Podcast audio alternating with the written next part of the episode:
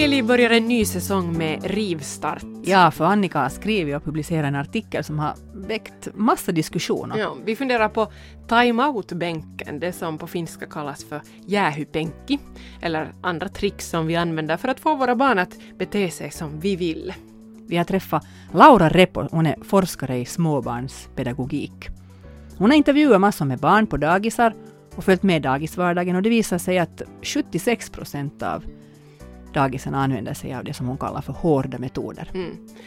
Ja, jag skrev alltså en artikel om det här, den finns att läsa på svenska.yle.fi familj och den har väckt väldigt mycket uppmärksamhet. Jag tror det är så att så här små så här fostringsmetoder, de, de rör upp känslorna. Det är roligt att så många har kommenterat den. Jättemånga hojtar i högan sky att nu får man inte använda sig av den lilla röda pallen och vad blir det då av våra barn?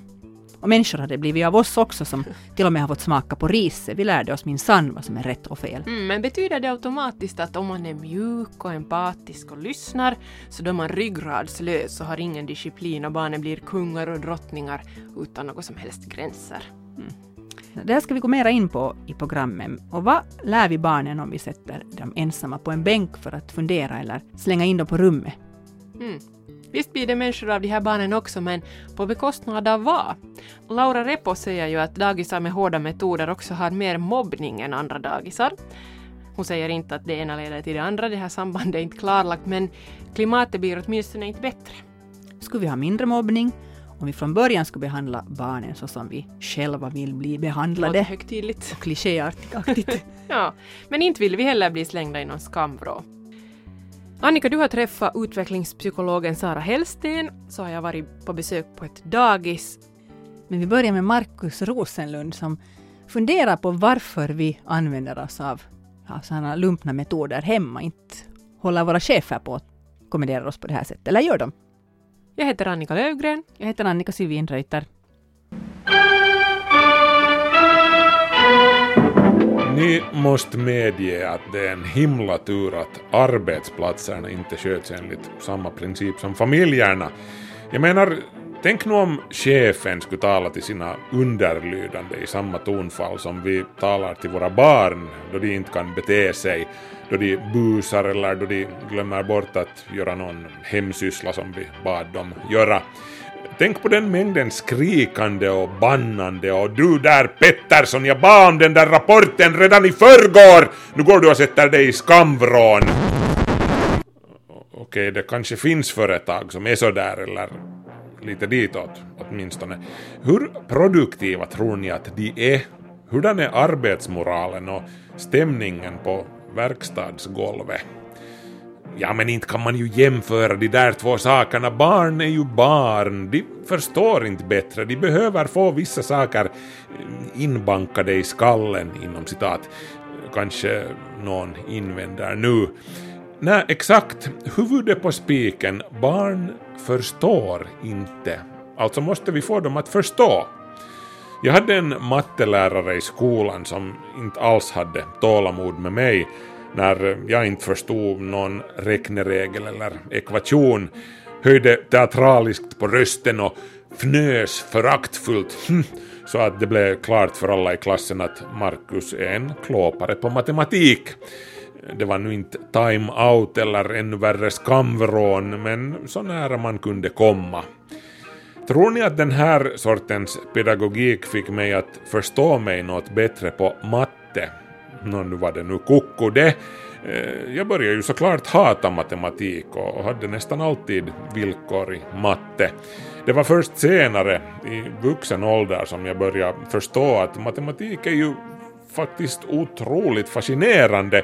Det är fysikens och världsalltets universalspråk. Det är vackert och rent av poetiskt som bäst. Så vad jag undrar är på vilket sätt skiljer sig ett barn som inte förstår sig på multiplikationstabellen från ett barn som inte förstår sig på hur man ska bete sig bland folk så att säga? I bägge fallen vill de helt säkert förstå, för barn är sådana av naturen. De vill förstå saker. Numera vet vi varför ett barn som blir utskrattad av sin mattelärare till exempel bara blir mer avvogt inställd till matematik.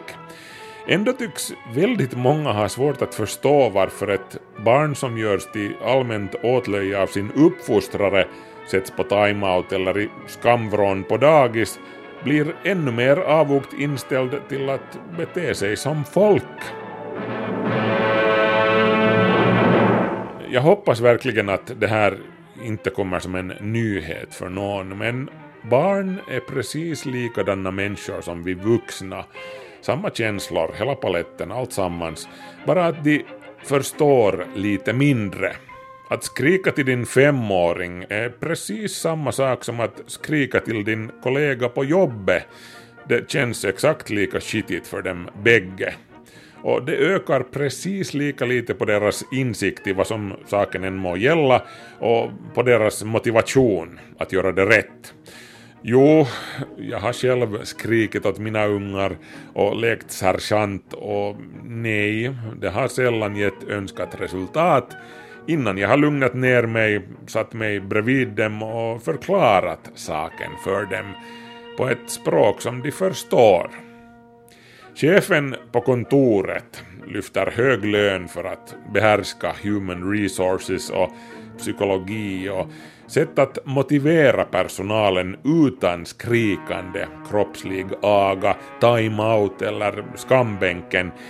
Ingen har sagt att det är lätt, men det är chefens jobb.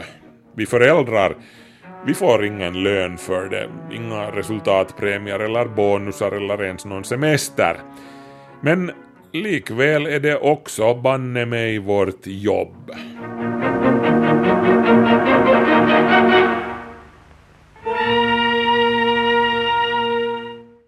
Hur motiverar vi barnen att bete sig bättre och samarbeta? Laura Repo som jag träffade har alltså granskat daghem och deras metoder. Och när hon talade med barnen så sa hon att de alla genast sa att beter man sig dåligt så då är det straffbänk som gäller. Så hon började grubbla på det här att förstår barnen faktiskt vad vi skulle vilja att de skulle förstå genom att sätta dem på en bänk och fundera. Ja, vad lär man sig genom att känna skuld och skam? Vad är det man lär sig? Tämä tuli ihan systemaattisesti lasten puheista, että silloin kun tapahtuu jotain tyhmää, niin istutaan penkille. Ja tota, tämä oli minusta aika mielenkiintoinen niin kuin, teema, että, että mitä ne lapset ensinnäkään siitä niin kuin saa ja ymmärtää, ja että se oli niin sellainen, se oli silleen läpileikkaava jotenkin. Että se tuli heti. Lapset ei miettinyt ollenkaan, eikä sinne niin kuin, tuntunut olevan sellaista niin kuin, moraalista pohdintaa niin kuin lasten puolelta lainkaan. Vaan se oli yksin yksioikoisesti se, että pitää pyytää anteeksi, jos ei pyydä anteeksi, istutaan penkille. Laura Repo har för sin doktorsavhandling frågat barn på dagisar hur de bemöts om de gör någonting fel. Hon blev överraskad av att så många mycket snabbt svarade att gör man något dumt så hamnar man på den så kallade straffbänken. Där sitter man för att fundera över vad man har gjort. I vissa fall slapp man straffbänken om man bad om ursäkt för det man hade gjort först. Efter att ha sett barnens svar så frågade Laura Repo dagispersonal i Vanda samma sak och hon fick nästan 800 svar. Av dem sa 76 procent att straffbänken är mycket vanlig på daghemmen. Äh, sittenhän me tullaan niin kuin oppimiskäsitykseen, niin kuin, että, miten, lapsi, miten lapsen käyttäytymistä ohjataan. Laura Repo gick vidare med sina undersökningar och granskade de planer för småbarnsfostran som daghemmen har, bland annat på sina webbsidor. Det som står där baserar sig på en konstruktivistisk syn, att barnen själva bygger sin kunskap. Men sen när man kommer till punkten hur man styr barnets beteende så bygger principerna plötsligt på den behavioristiska synen. Man belönar för gott beteende och bestraffar för dåligt. Nå, vad är det då för dåligt med straff och belöningar, som till exempel en sån här bänk som barnet får sitta på, om barnet en gång då gör som man vill? No, mehän toivottaisiin, että oppiminen olisi enemmän tai vähemmän pysyvää, varsinkin käyttäytymis, käyttäytymisen oppiminen. Ja kun, jos me mennään tämmöiseen behavioristiseen palkkiorangaistusmenetelmään, niin se, se oppiminen ei ole pysyvää, vaan se ehdollistuu niihin palkkioihin ja niihin rangaistuksiin. Ja, ja, ja silloin se ei niin kuin muuta sen lapsen aivorakenteita. Vi vill ju att det barnen lär sig ska vara bestående, inte någonting bara för stunden. När man slutar med belöningarna och bestraffningarna så slutar barnet också med beteende. Laura Repo har tittat närmare på de dagisgrupper som använder sig av straff. Niissä ryhmissä, joissa käytettiin näitä kovia menetelmiä, niin niissä oli enemmän kiusaamista kuin niissä ryhmissä, joissa näitä kovikeinoja ei ollut käytössä. Ja, de grupper som använde sig av hårda metoder, till exempel straffbänken eller att man uteslöt barnen ur gruppen om det betedde sig dåligt vid matbordet till exempel, de hade mer mobbning än andra grupper. Den slutsats man kan dra är att straff åtminstone inte förbättrar stämningen eller lärande i gruppen. Millainen ilmapiiri siihen syntyy, kun aikuiset niin kuin komentelee ja käskee ja, ja sinne syntyy siis sellainen, saattaa syntyä jopa ilmapiiri, jossa lapset ja aikuiset niin kuin ajautuu eri leireihin, mm. eikä siellä puhalleta yhteen hiileen. Et, et ryhmän kohesiolla on, on todettu olevan hyvin paljon niin kuin positiivista vaikutusta esimerkiksi lasten oppimiselle. Selvä. Ja silloinhan se kohesio kärsii siitä, jos se ilmapiiri on hyvin kova ja perustuu tämmöiseen niin kuin tottelevaisuuteen. Vi har i Finland en lång tradition av de här hårda metoderna. Barnen ska framförallt lära sig att lyda och för att få dem att göra det har man fått använda sig av, ja, först var det örfilar, nu är det till exempel straffbänk eller hemarrest. Förespråkar man de mjukare metoderna så uppfattas man lätt som ganska löjlig. Mä oon seurannut siis nettien keskustelupalstoja, niin mä oon ollut yllättynyt, että aika kova ilmapiiri. Että ja varsinkin sit, mun mielestä se on hirveän yllättävää, että me puhutaan niin todella pienistä lapsista. Et kyllä mä haluaisin korostaa sitä, että et, et, niin kuin, mihin mun tutkimuskin pohjautuu, on se, että et nämä on niin opittua käyttäytymistä. Et ei kukaan lapsi synny aggressiiviseksi eikä ilkeäksi ihmiseksi, joka, joka käyttäytyisi niin kuin huvivuoksensa väärin. Et sen lapsen toiminnalla ja käyttäytymisellä on aina joku tausta. Mm. Ja sitähän ei päästä purkamaan rankaisemalla sitä lasta. Että mä olisin valmis menee niin, kuin niin pitkälle, että mä olisin valmis kyseenalaistaan, että tarvitseeko pientä lasta rankaista lainkaan. Laura Repo tycker att ett litet barn inte ska bestraffas överhuvudtaget. Och vi kommer in på det här med lydnad. Niin siis tämä on musta hirveän kiinnostava keskusteluaihe, tämä tottelevaisuus, että, että tarvitseeko lapsen oppia tottelemaan sokeasti vai vai mitä me halutaan sillä ja, ja mihin me halutaan sitä lapsen käyttäytymistä niin kuin ohjata. Ett litet barn gör inte medvetet saker för att retas med sina föräldrar. Barnet vill bete sig som föräldrarna önskar, förklarar Laura Repo. Om barnet skriker och trilskas och är jobbigt så finns det någon annan orsak bakom som man inte kan lösa genom att bestraffa barnet. Alternativet är ofta det precis motsatta, säger Laura Repo. En varm famn istället för straff. Mutta mä tietysti ymmärrän sitä, että kun lapsella on uhmaikä ja, ja äiti väsyy ja lapsi väsyy ja, ja näin, niin tulee sitten ehkä käytettyä enempikin, tai vaadittua lapselta semmoista tottelevaisuutta enempikin. Ja siinä tietysti semmoinen kultainen keskitie, että, että voi sellaistakin tulla. Mutta sitten mä pidän aika haitallisena tämmöisiä supernäni ohjelmia, jotka siis ihan systemaattisesti ohjaa tämmöisiin koviin keinoihin ja jättää kokonaan sieltä niin sen sen tilanteen ja, ja sen niin kuin yksilöllisen lapsen ja aikuisen välisen suhteen niin, eh, niin kuin käsittelemättä. Että Supernanihan ohjaa perheestä riippumatta, lapsesta riippumatta, lapsen tarpeesta riippumatta aivan samanlaisiin käyttäytymismalleihin kaikki ihmiset. Mm. Laura Reppo är mycket kritisk till de Supernanny-program som visas på TV, där alla situationer med barn behandlas på samma sätt oavsett vad som egentligen pågår och vad som kanske är barnets behov i en viss situation. Mutta mä en kuitenkaan sit, mä haluan korostaa sitä, että mä en tarkoita täällä sitä, etteikö olisi rajoja. Että kyllä lapsi tarvitsee eh, selkeät rajat, minkä puitteissa toimitaan. Ja se on sitä ohjaamista siihen, että meillä on tässä yhteiskunnassa jonkunnäköiset pelisäännöt ja koodistot, että miten toisten kanssa ollaan. Det att man använder mjukare metoder och inte till exempel bestraffar barnet betyder inte att barnet inte har gränser. Det vill Laura Repo poängtera här ganska tydligt. Ja moraalia lapsille tulee opettaa, mikä on väärin ja mikä toista loukkaa, mikä toista satuttaa, niin ei voi toimia. Mutta se, että, että se ohjaaminen ja opettaminen tapahtuu ihan kädestä pitäen, esimerkiksi näyttämällä lapselle, että minkälaisia strategioita on vaikka liittyä leikkiin.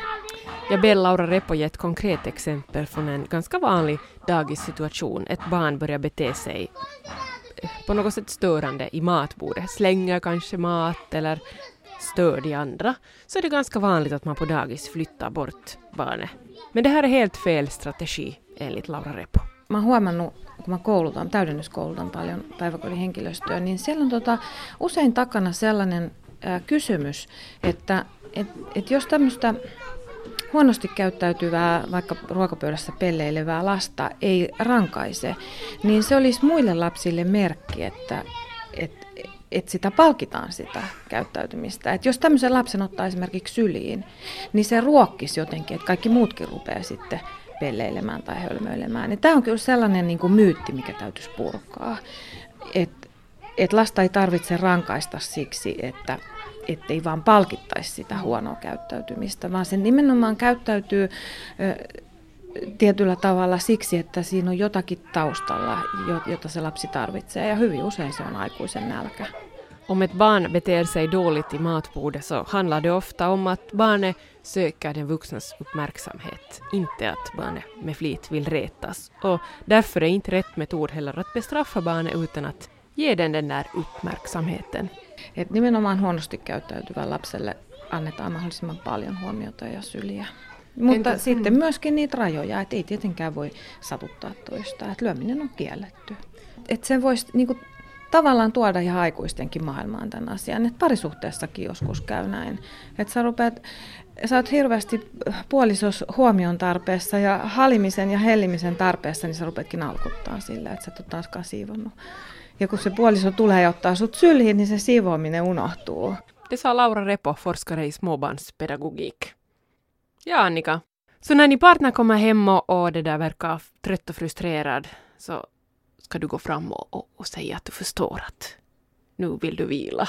Ja, vill ha lite Ömhet och närhet. Ja, det vill, det vill vi inte ge i det där ögonblicket. Nej, det är, mot, det är mot våra instinkter. Ja. Ja. Vad gör en sån här time-out-bänk med oss? No, jag tror att det är väldigt effektivt att påverka vårt beteende eftersom vi människor så in i djupet är uppbyggda så att vi vill vara med andra och vi behöver andra för vår överlevnad åtminstone. Fortfarande kan man säga att det är så men att tidigare var det ännu mer konkret så. Så att eh, när vi isoleras från andra så är det en mycket, mycket, mycket stark signal på, på att eh, vi inte önskar det så som vi har varit så att det är en väldigt effektiv metod att att korrigera beteende om det är endast det man är ute efter. Det här är Sara Hellsten, utvecklingspsykolog. Och som ni hör så är hon kritiskt inställd till ja, timeout-bänkar och andra styrmedel som man belönar och bestraffar barnen för att de ska göra som man vill. Hon säger att det fungerar effektivt om man bara är ute efter att korrigera beteende. Nå, no, det är jag nu inte och inte tror jag att dagispersonalen eller lärarna eller vem som helst är ute efter bara det. Men vad gör man? Ja, jag använder mig av de här lumpna tricken när ingenting annat fungerar. Men en gång, efter att jag upprepade gånger slängt ett visst barn på rummet och när han sen en dag sa till mig att, att mamma, att jag skulle vilja ha en, ett djur som jag kan krama och som tycker om mig fast jag har gjort dumt. Då sved det till. Men vad ska vi göra när vi blir så desperata? När ingenting verkar funka.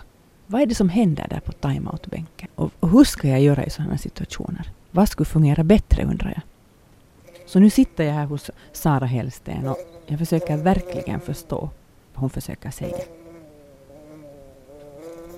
Jag tror att en, en grej i stora grupper, till exempel i dagis, är att korrigera beteende för att det ska vara hanterligt och möjligt. Så jag kan förstå å ena sidan att man väljer att använda sådana effektiva metoder.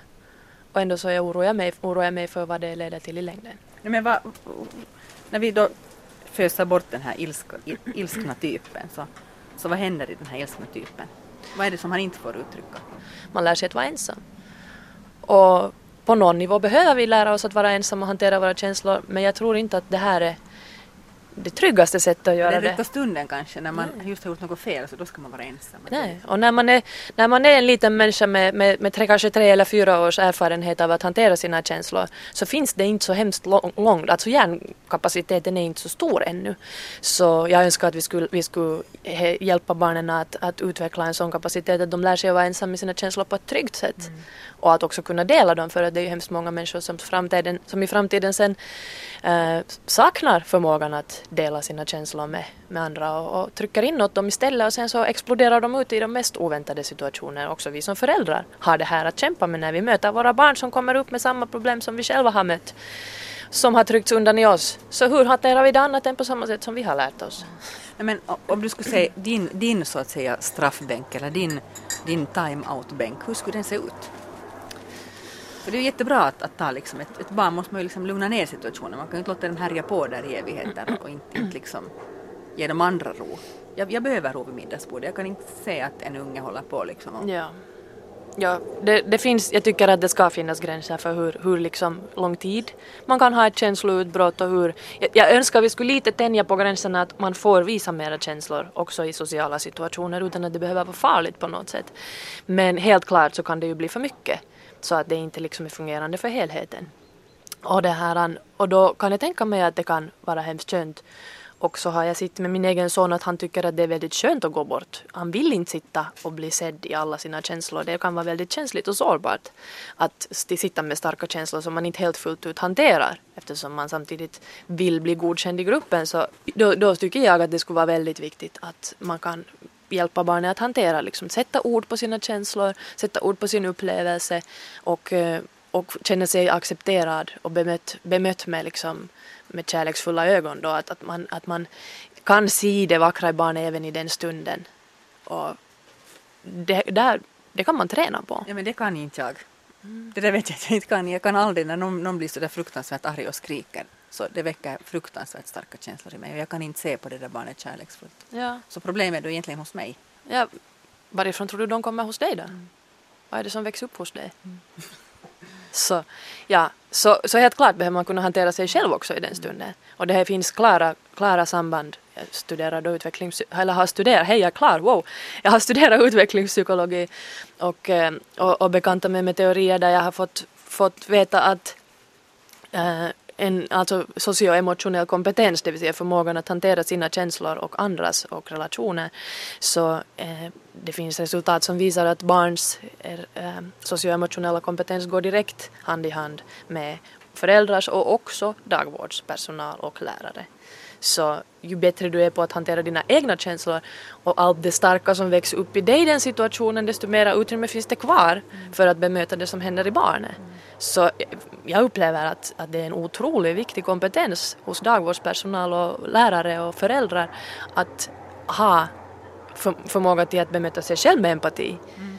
Och om man har lärt sig att pressa undan sina starka känslor och inte få visa det. Man får inte bli arg på sitt barn till exempel. Det är fult att vara arg på sitt barn. Man får inte skämmas över sitt barn. Det är också väldigt fult. Alla de starka känslorna trycks ner i oss själva. Så hur ska vi kunna bemöta dem i barnet? Så när vi lär oss det, och det går att lära sig, och när vi kan i, vi blir snabbare på att i de situationerna mycket snabbt ge empati åt sig själv, och för, det vill säga förstå vad som händer i mig just nu och varför, och kunna bemöta det och härbärgera det i mig själv.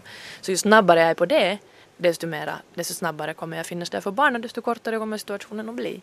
Och det kan jag tänka mig, om det är dagis vi talar om här nu, så kan jag tänka mig att det är väldigt utmanande för dagvårdspersonal att eh, hitta den närvaron, den förmåga till närvaron. Så det är någonting som man verkligen behöver liksom lära sig och träna på och få det automatiserat och när hinna göra det i den där vardagen av, av många barns behov och känslor som kommer väldigt som en stridström. Och det är ju ett djupare problem att vi liksom i, i, i hela vårt samhälle så är det inte, liksom, det är inte inbyggt ett utrymme för sånt här. Mm. Men samtidigt så har jag sett eftersom jag har tränat på det här och, och, och liksom ansett det som viktigt och, och, och också både som förälder själv och som lärare då så, så, så har jag märkt att det är, är möjligt. Och det är också väldigt givande för att det ger hemskt mycket mer energi att sitta med ett barn till exempel och, och, och, verkligen det här, det här så kallade, jag viftar med fingrarna här, problembarnet då. Och att verkligen kunna liksom hitta fram till en kontakt med, med också det barnet. Så det är otroligt belönande. Och där har jag också, också vad heter det, kommit stött på teorier som visar att, att det kan vara liksom en, en enorm, göra en enorm skillnad för ett barn som inte har fått det hemifrån. Så att har du, har du fått en lärare eller en dagvårdstant eh, eller farbror som, som har eh, bemött dig empatiskt och kunnat läsa av dina behov och inte stött bort dig även om du kanske redan i, i den åldern beter dig på ett frånstötande sätt för du har inte blivit bemött så att du kan hämta fram dig själv på andra sätt. Så eh, det kan ha effekt liksom upp till, till nio år senare i din egen socioemotionella kompetens.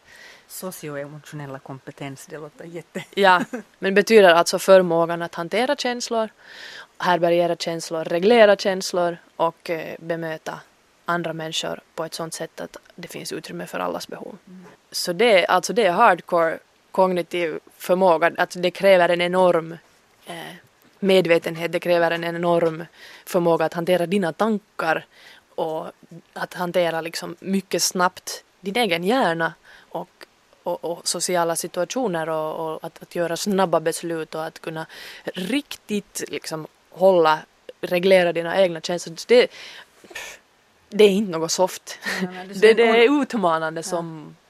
En oerhörd medvetenhet alltså. Ja, det gör det. Man kan börja med att bemöta sig själv. Försöka när jag har slängt upp ungen på, på rummet och, och mår väldigt dåligt. Så till exempel säga högt åt mig själv vad det handlar om för mig. Jag är alldeles utmattad efter jobbet. Jag skulle så ha behövt lugn och ro. Och nu samtidigt så är jag så himla ledsen för jag vill verkligen att mitt barn har det bra och får vad det behöver. Och, och jag är, så besviken att jag inte kunde hantera det här nu på ett sånt sätt som jag skulle ha velat för jag vill verkligen det här. Så bara det att stanna upp och göra det en stund istället för att säga att jag är dålig mamma, ja, mitt barn kommer skuld, och, skuld. skuld och skam och allt det här. Vi kan inte hantera det heller. det så, så, så, vi har inte fått verktyg. Det, det är otroligt mycket verktyg som behövs för att hantera de här känslorna. Varifrån ska barnen få dem när inte vi har dem? Mm. Så vi, vi behöver börja med oss själva. Mm.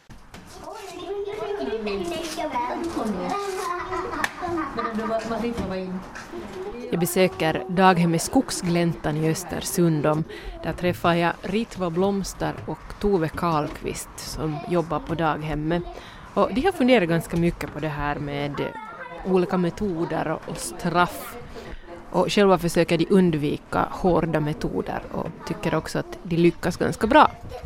Att vi har mera kanske en plats eller en stol där man går och funderar en stund. Men man, man blir inte bara bestraffad för att gå och sätta sig på stolen och, och fundera på straff utan sen när man har funderat en stund så diskuterar man igenom det. Att varför sitter man på den stolen? Och försöker hitta liksom konsekvent att för varje gång man är på den där stolen eller för varje gång man har en diskussion så vill man också se det där positiva framsteget. Att, att, att någonstans måste man ju också få barnen liksom att, att tänka på det, vad det håller på med. Att sätter man inte liksom några gränser åt barnet eller överhuvudtaget tar i det som, man, som barnet gör så, det där, så hur ska du få det där barnet att förstå att det är fel eller rätt, att hur ska det gå tillväga? Mm. Alltså en typisk situation kan vara till exempel vid påklädningen eller WC-situation eller också vid samlingar. Och jag tänker det på samlingen kan ju vara det att det finns ett barn som sitter och återkommande sitter och stör, stör kompisen bredvid eller hela tiden sitter och pratar och sånt. Och den vuxna säger då sakligt till att, att, att försöka liksom hänga med i den där situationen som det då gäller. Men barnet trots uppmaningar så, så gör barnet inte det. Och då kanske det, när vi försöker ändå vara flera vuxna hela tiden med, att en av de vuxna liksom tar det här barnet i sidan och diskuterar med det.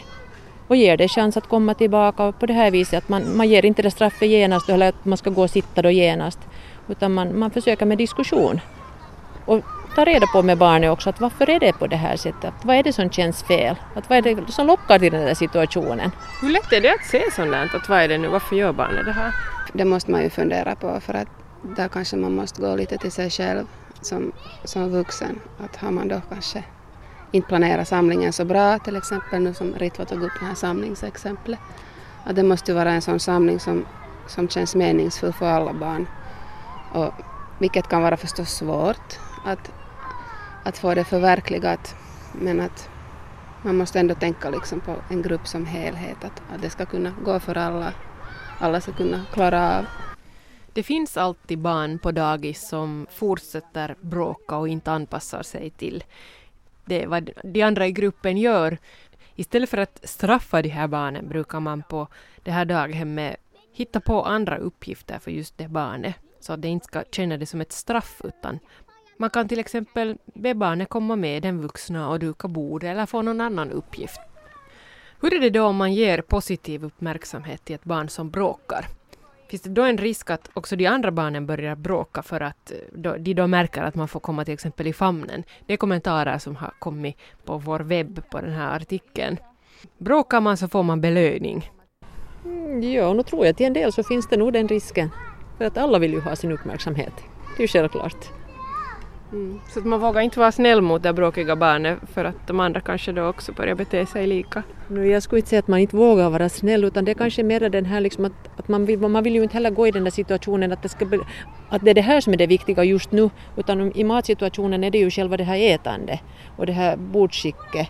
Att, att försöka hitta det och att, att alla har det här lugn och ro vid matbordet och har sitt eget som de håller på med. Och just om ett barn då är bråkigt eller så att man vet att det finns vissa barn som kanske har svårt. Och just som Tove sa då att då har man det barnet att vi har då att vi sitter en vuxen i varje matbord och då har man kanske just det barnet bredvid en vuxen. Att man inte alltid behöver ge den uppmärksamheten så hemskt kraftigt utan man ger det mer sådär stillsamt att barnet vet att det blir sett och hört och får den uppmärksamheten just med den där lilla handen eller en klapp på, på ryggen eller motsvarande. Mm. Och där tycker jag vi försöker nog sträva till det här att vi pratar till barnen och vi lyssnar på barnen, vi hjälps åt och vi diskuterar att vad, vad skulle kunna vara alternativet. Att ytterst sällan flyttar vi nog barnen bort från matbordet. Men vad händer med ett barn som man flyttar åt sidan? Bort från de andra barnen? Vad tror ni?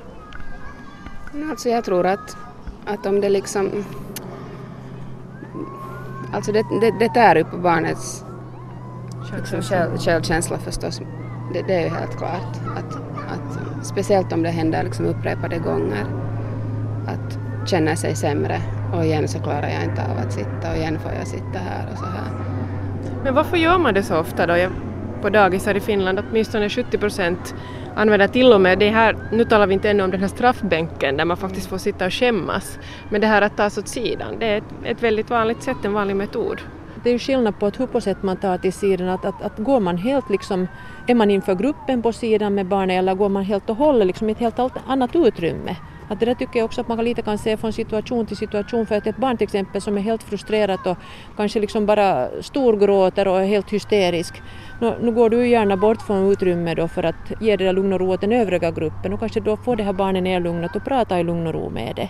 Kan dagispersonal skylla på att det här är ett så stort dagis och det finns så många barn? Nej, jag tycker inte att man kan skylla på att det här är ett stort dagis och det finns så många barn. Men sen förstås förstår jag ju att om, om, om man inte har tillräckligt med personal eller att man ofta måste ha utifrån personal så det är ju helt klart att det påverkar en grupp och det påverkar barn och, och deras beteende. Det, det är ju fakta. Men sen beror det ju liksom alltid på vuxna. Att hurdan, hurdan man är och hurdan, hurdana regler man har och hurdana mål man har. Och alltid fundera på att varför gör vi så här. Man måste ha liksom ett, mål bakom varje sak. Men om det finns ett barn som alltid är, är bråkigt och, och det där gång på gång gör samma sak. Finns det någon gång en orsak att bara ta det åt sidan och, och skämmas lite? Nej, det tycker jag inte. Att det finns en orsak att skämmas utan då måste man ju fundera att, att, att vad är det som ligger där bakom. Att det, är ju, det är ju helt klart att det är något hos det här barnet som gör att, att det måste agera på det sättet. Jag frågar Ritva Blomster och Tove Karlqvist vad de tror att är tanken bakom den här bänken som barnet ska sitta på. Alltså tanken är nog säkert det här att barnet ska liksom på något sätt skämmas och komma till insikt att, att, att vad det har gjort och så här men att, att... Nu har det ju varit så, jag menar ännu för 50 år sedan att man smällde på rumpan och mm. så skulle man lära sig och att man mm. förstod att man har varit dålig och nu ska man börja bete sig bättre. Börjar man bete sig bättre om man känner sig sämre? Nej, det gör man ju inte. Mm. Märker ni skillnader i hur barn har det hemma, alltså hur de blir bemötta av sina föräldrar hemma? Vissa lyssnas på väldigt mycket och diskuteras och andra har bara så här så är det så här, är det så här eller så är det så här som jag säger. Jo, nu, nu märker vi det i det dagliga livet, det gör vi nog. Hur märker ni det? Kanske mest i problemlösningssituationer, att hur barnen också har blivit lärda hemma att lösa problem. Jo, för en del kan det vara så här att uh, man behöver överhuvudtaget inte kanske bry sig om, man behöver inte kanske säga förlåt, inte lyssna till den andra. Men sen finns det de här som, som det ska diskuteras liksom till grund och botten och det här förlåt, ordet förlåt är jätteviktigt. Och så finns det den där som är mitt emellan att det går liksom lite sådär att det här är vår vardag, så här gör man. Man säger förlåt och man försöker uppföra sig bra mot varandra. Det var ju förr kanske frågan om att, att underkuva ett barn. Att, att det är ju det som, som vi nu kanske idag försöker komma bort ifrån. Vad gör man idag istället för att underkuva? Jag tycker man, för, man försöker nog mera liksom förstå det där barnet och få barnet också att växa som individ. Inte trycka ner det. Nej, Alltså utan barnet har ju, respekten. Ja, för barnet har ju, menar, har ju lika stor människorätt som en vuxen. Att se det där barnet som en helhet, som oss alla. Jag tror att för många föräldrar kan det kännas ganska främmande att det, där skrikande, bråkiga, trotsiga barnet på golvet som sparkar där, att det ska man plötsligt ta i sin famn och lugna ner och pussa och krama. Ja, jo, jag kan nog bra tänka mig det, för jag menar det är kanske också just det barnet behöver i det ögonblicket. Men din instinkt säger något helt annat. Jo, precis. Att, där, att, att skulle man kanske tänka om då just i det ögonblicket att, att, att jag tar det här barnet i famnen och visar liksom den här ömma sidan istället liksom att försöka gå ner riktigt på barnets nivå. Så kan det ju nog hända att det ändrar ganska snabbt. Kan ni göra det här på dagiset? Jo, nu kan vi göra det. Eller finns det den där risken att alla andra också börjar bråka då för att de vill också ha den där ömma famnen? Nej, jag tror inte på det där. Jag tror inte på det utan, utan alla får nog den där famnen och, och den, den tiden. Liksom att, att det, jag, jag tror inte på det att, att andra barn börjar bete sig illa för att de ser, de ser att någon som beter sig illa får en famn.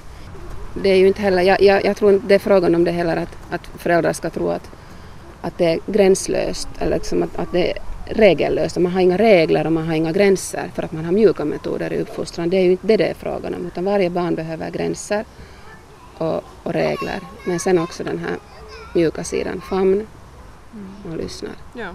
Det var Tove Karlqvist och eh, Ritva Blomster på daghemmet Skogsgläntan i Östersund.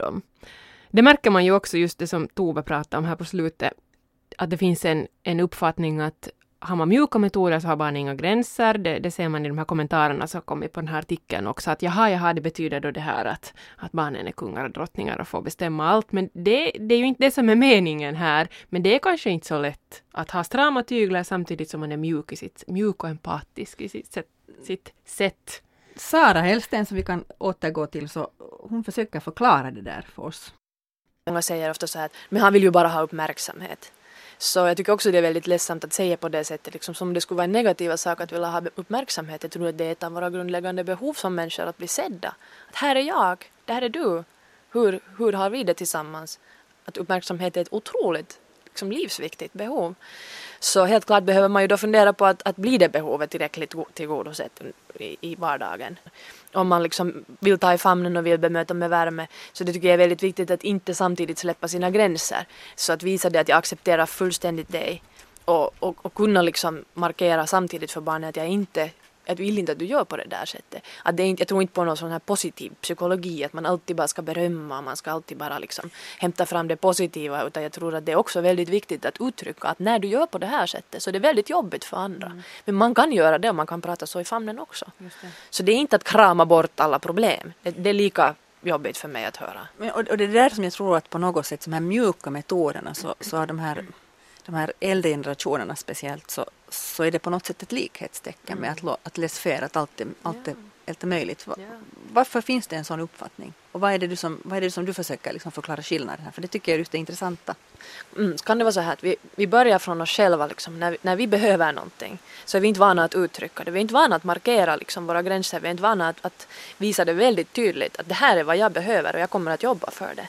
Så när vi är osäkra att kommer vi att få vad vi behöver så då behöver vi markera gränser på ett sådant sätt att vi sätter dem stenhårt och sen så ser vi till att gå bort för att det inte blir något, något tjafs och, och, och krottande kring den här gränsen. Så, så det, för att kunna ställa gränser och stanna kvar bakom dem så behöver man ha väldigt trygg, stor trygghet i sig själv. Att kunna uttrycka för ett barn att nu är det så att jag kommer inte gå med på det här men jag finns här för dig. Mm. Och, och, du får liksom studsa mot mig och du får bli arg och du får reagera och jag kommer att tåla det men det kommer inte att betyda att min gräns kommer att förflyttas. Om inte betyder att det ändrar, det, det, det vill jag också att vi ska ha möjlighet till. Att, att inse att när jag hör hur viktigt det här är för mitt barn så då ändras det. Och det, det är inte lika viktigt för mig mera. Så då kan man också flytta på gränsen. Men jag tror att vi är jag tror att vi har svårt att sätta liksom stadiga, flexibla, hållbara, mjuka gränser. Så vi gör det istället stenhårt och, och lämnar barnet ensamt på andra sidan. Så det kräver också igen den här, mitt favoritord, socioemotionell kompetens. Så det kräver också en förmåga i oss själva att verkligen stå kvar.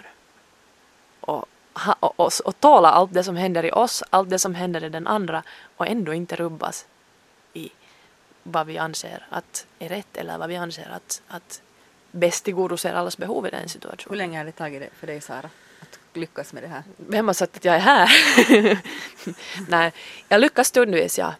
Så inte ens du klarar av det alltid? Nej, jösses. Jösses heller. Det som, är, det som är positivt är att jag har lärt mig att jag kan komma tillbaka. Att när jag har, har studsat till, liksom, satt en stenhård gräns och, och sprungit iväg och skrikit någonting eller gjort, liksom, markerat på ett fullt sätt som, som jag inte liksom själv tycker att har stött allas behov i den stunden. Så det som är hemskt skönt att kunna komma tillbaks till det och säga att jag visste inte vad annat att göra just då. Det var så viktigt för mig och jag var så full av mina egna känslor. Så jag visste inte vad jag skulle göra. Så jag har lärt mig att det också i längden liksom ger mera verktyg åt barnen för att de ser att det händer även mig. Och jag sätter ord på vad som händer mig. Så då är det lättare för dem också att förstå sen liksom kanske när någonting liknande händer i dem. Det handlar om att acceptera alla sina känslor och, och liksom på något sätt lära sig av de stunder som det går fel på. Då. Eller? Ja, och, och, och samtidigt när du säger så så blir jag orolig för liksom att det blir så där blött och, och stötigt igen att acceptera alla sina känslor. Men ja, visst gör det det på någon nivå. Och, och, och- och, då vill jag betona det att acceptera alla sina känslor betyder inte att man behöver alltid i alla sitt stunder hemskt mycket liksom sätta hemskt mycket, I, ibland så känner jag saker utan att det har hemskt mycket med, med liksom det som på riktigt händer att göra. Så man behöver inte alltid följa dem och man behöver inte alltid gräva i dem och man behöver inte alltid liksom stöta och blöta dem. Men, men på någon nivå att acceptera att känslor kommer och går i mig, jag tror att det är en del av, av, av emotionell kompetens då, liksom att acceptera att känslor kommer och går veta när jag ska verkligen lägga en, en större mening i dem och när jag kan låta dem komma och gå. För att komma tillbaks till dagisar och program som hanterar känslor så jag tycker det är jättefint att vi har kommit en bit på väg och anser att liksom det är viktigt. Men jag skulle vilja gå mycket längre och, och kunna, kunna att för att fatta liksom vad är det som motiverar känslorna, vad är det som väcker känslorna och kunna gå till det och sätta ord också på det. Att jag ser att du är ledsen, var det för att du, du, du behöver gemenskap eller var det för att du behöver, behöver eh, bli sedd, att någon ska, någon ska vara med dig just nu eller, eller du är arg för att du behöver äh, behöver att det- ska vara rättvist eller att du behöver att eh, någon lyssnar på dig. Så då blir det också känslor hemskt mycket mer meningsfulla att hantera när man fattar vad de handlar om. Känslan är inte, har inte ett värde i sig och den är inte den som ska styra våra handlingar men den är en signal för, för hur vi mår och vad vi behöver. Och om vi känner något som känns skönt så är det antagligen en signal för att vi har fått någonting vi behöver och vi är tacksamma för det. Och om vi känner något som känns obehagligt, jag vill inte ens tala om positiva och negativa känslor för de är lika neutrala signaler. Obehagliga känslor är en signal för att det är något behov som inte blir tillgodosett. Det här är jättesvårt. Det är jättenytt. Det är jättenytt. Vi, vi är inte vana att, att hantera det här. Och, och jag tycker det är så logiskt. Och jag tycker det är så klart när man har fått det serverat för sig. Så var finns all den här med- medvetenheten? Jag hoppas att det finns mera och mera. Jag tänker åtminstone jobba för det. Och, och, att- och att veta sina behov, det är väl liksom det som, det låter så simpelt men inte vet jag vad jag har för behov. Nej. Nej. Och de behöver man ju få hjälp att hitta. Här måste jag få ha lugn och ro. Ja, eller ännu mera, ännu hellre liksom att uttrycka att jag har ett behov av lugn och ro i matbordet. Och, och vad är det som händer för er just nu? För om vi hittar våra egna behov så då kommer ofta nästa steg att vi också är intresserade av vad andra behöver. Och sen kommer de lösningarna som då inte är A eller B utan kanske C, D, E, F, G. Där vi hittar en, nu, nu är jag inte så fiffig att jag hittade en, en lösning på det där middagsbordsdilemma precis här på rak arm. Men jag är övertygad om, och min erfarenhet säger det, att när man lyssnar på alla människors behov så småningom föds det en sån kontakt och en sån, i den kontakten en tillit och en kreativitet i att hitta sätt där allas behov tillgodoses. Men när vi inte är vana att veta vad vi behöver, inte är vana att sätta ord på det, inte är vana att bli hörd i det, så hittar vi en gång ett behov så håller vi ofta fast det med näbbar och klor och inte har utrymme för vad någon annan behöver. Men ju mer det finns tillit till att mina behov är här, jag vet vad de är, jag kan uttrycka dem, jag kan kommunicera dem till andra, jag kan ta hand om dem på ett sånt sätt som inte heller kör över andra. Så då kommer också ett enormt mycket större intresse liksom för och utrymme för vad andra behöver. För att, så att återgå till, till situationen med, på straffbänken så om ett, om, om det, jag tycker det är väldigt viktigt att den som hanterar situationen och den som är med barnet vet vad den själv behöver och är i kontakt med vad den själv behöver. Den vill verkligen bidra till att barnet ska få en bra framtid och att andra människor ska ha, en, ha det bra och vara runt det här barnet. Så det är en omsorg om barnet i den stunden. Och det är kanske också en, en vilja att, att, att stödja och, och så kan det finnas andra behov. Det kan finnas, det kan finnas en, en, en känsla av, av, av stress och ett behov av lugn och ro och att, att kunna lösa det så snabbt som möjligt. Så att vara medveten om alla de här behoven samtidigt som jag är där så, så gör mig liksom öppnare för att, för att eh, också vara med, liksom öppna upp för vad barnet behöver. Så igen, jag tycker det börjar från en själv. Ja. Jag tänker att man står där då på morgonen och man vet att man måste hinna till ett visst ställe en viss tid. Så om man varje gång alltid håller på och funderar och reder ut allas behov, så hur länge tar en sån här avfärd då? Ja, så det, det här är ju ett problem som många, många kommer till och som, en fråga som många ställer så det tycker jag om att du ställer den här också. Det är samma sak gäller lärare och dagvårdspersonal, liksom att ha en grupp med många människor, föräldrar har oftast inte 20. Mm. Så, så många stöter ju på den, den liksom, kommer till det här med att det tar tid. Ja, det tar tid. Till en början tar det tid. Och jag anser att det är en, en, en tid som är effektivt använd. För när du har gjort dem några gånger så slipper du göra dem hemskt många gånger. Barn som är vana att bli hörda, som har en trygghet och tillit till att bli hörda, de tar inte lika mycket utrymme. För de litar på, de litar på sin omgivning i längden. Stundvis kan de ju ta. Men, men, men min erfarenhet också som lärare i skol, skolklasser är det att, att saker blir effektivare i längden. Och sen så kan man också ställa sig frågan att hur lång tid tar det att stå ut med raseriutbrott och, och så kallade trotsanfall när barnet slänger sig på rygg och, och, och, och skriker och, och hur många gånger eh, att, att hitta på lämpliga straff och köra ut och skälla ut och, och liksom, det tar också tid. Det tar också tid så att jag anser bara att det här är mera välanvänd tid och dessutom så har man en mycket mer fungerande kontakt efter det. Medlingsstrategier handlar det ju om. Vi ska vara fredsmedlare. Ja, ingen förespråkar heller direkt bomber och granater i ett krig, utan först försöker man med diplomati. Mm, men sen när det inte lyckas, så då bombarderar vi med straffbänkar ja. hemma och på dagis. Vi funderar på det här med att vi sätter brottslingar i fängelse. Det är ju en hård metod. Men funkar den? Vi ringde upp kriminalöverkommissarien Thomas Elgren som snart i 40 år har jobbat med ruskiga brottslingar. Och vi funderar att slänga han in sina barn på straffbänken. Kan man överhuvudtaget jämföra dagispersonalens jobb med kriminalkommissariens?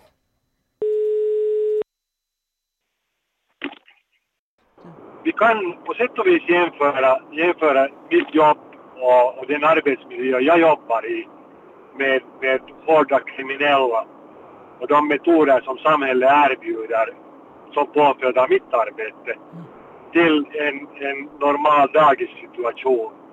Och om, om jag tillåts att dra paralleller mellan de här två så tror jag definitivt inte att, att, att hårda metoder är någon lösning. Jag tror mera på som, äh, det som jag själv också i mitt jobb jobbar med, det är att vara neutral och göra mitt jobb på ett så professionellt sätt som möjligt. Som möjligt. Och där är det samma med dagis, att man, man tror jag, att förhålla sig neutralt och visa gränserna och motivera på ett sätt som förr eller senare godtas. Förr eller senare säger du, det är ju det, det kanske som, det, där som, som provokationen blir så stor att man helt enkelt som vuxen inte klarar av att vänta på det där senare. Precis. Ja. Jag, jag är ingen förespråkare av långa straff, däremot så har det visat sig i det finska systemet med rehabilitering och så vidare att det, det ändå minskar på antalet de som, som hittar sig på nytt i fängelse. Just det, så rehabiliteringen, alltså de här mjuka metoderna funkar då bättre på fångarna? Men det här då på, med fångar, vi, vi talar ju i det här programmet nu egentligen om, om, om dagisar och, och, och det där, små barn. Så Precis. vad tycker du om hårda metoder där? Min värdegrund är den att, att, att barn som, som uh, av någon anledning har gjort någonting som någon tycker att han skulle, eller hon skulle bestraffas för, så det finns nog alternativ till det. Som i långa loppet enligt min uppfattning är betydligt bättre än att man bestraffar. Och vadå? Som en förälder så betyder det att jag måste vara så pass mycket klokare och fiffigare att jag kan hitta på ett alternativ mm. som gör att de nästa gång står inför ett problem som, som de ska själv lösa. Så då måste jag ge dem verktygen för att klara av det.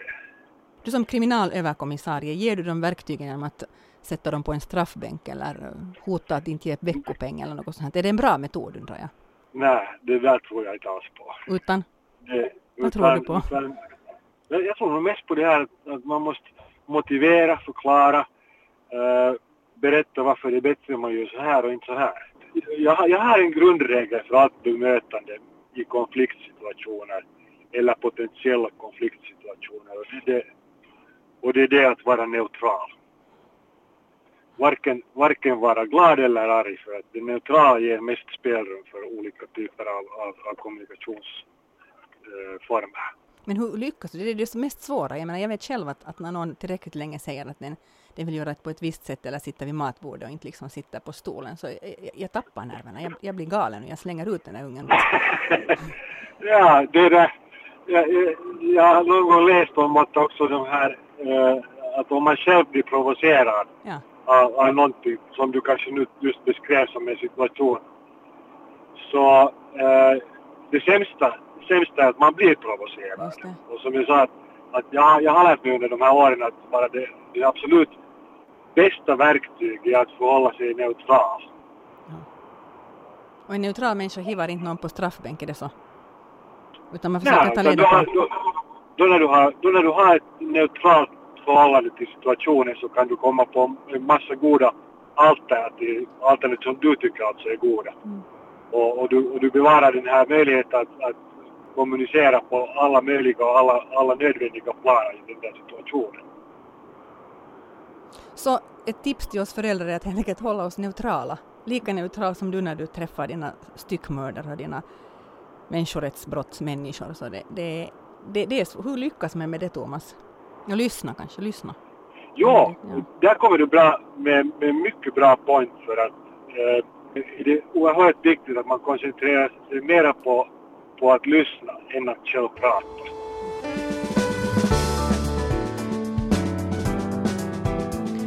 Lyssna och förstå istället för att läxa upp, säger alltså kriminalöverkommissarie Thomas Elfgren som fick sista ordet i dagens familjeliv. Ja, och han om någon borde väl veta.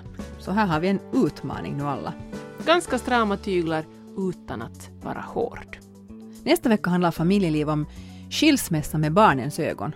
Anna Rotkirk skriver i sin nyaste bok att en halvdålig relation är bättre ur barnets synvinkel än en skilsmässa. Hur klarar den som just har skilt sig av att höra det? Och går det att stödja barnen när man själv är uppriven och kanske sårad? Skriv till oss på familjeliv.vega, snabbela yle.fi eller gilla oss på Facebook och, och fortsätt diskutera fostringsmetoder på svenska.yle.fi familj. Vi hörs om en vecka. Jag heter Annika Lövgren. Jag heter Annika Sylvin Reuter. Hej då! Hej då!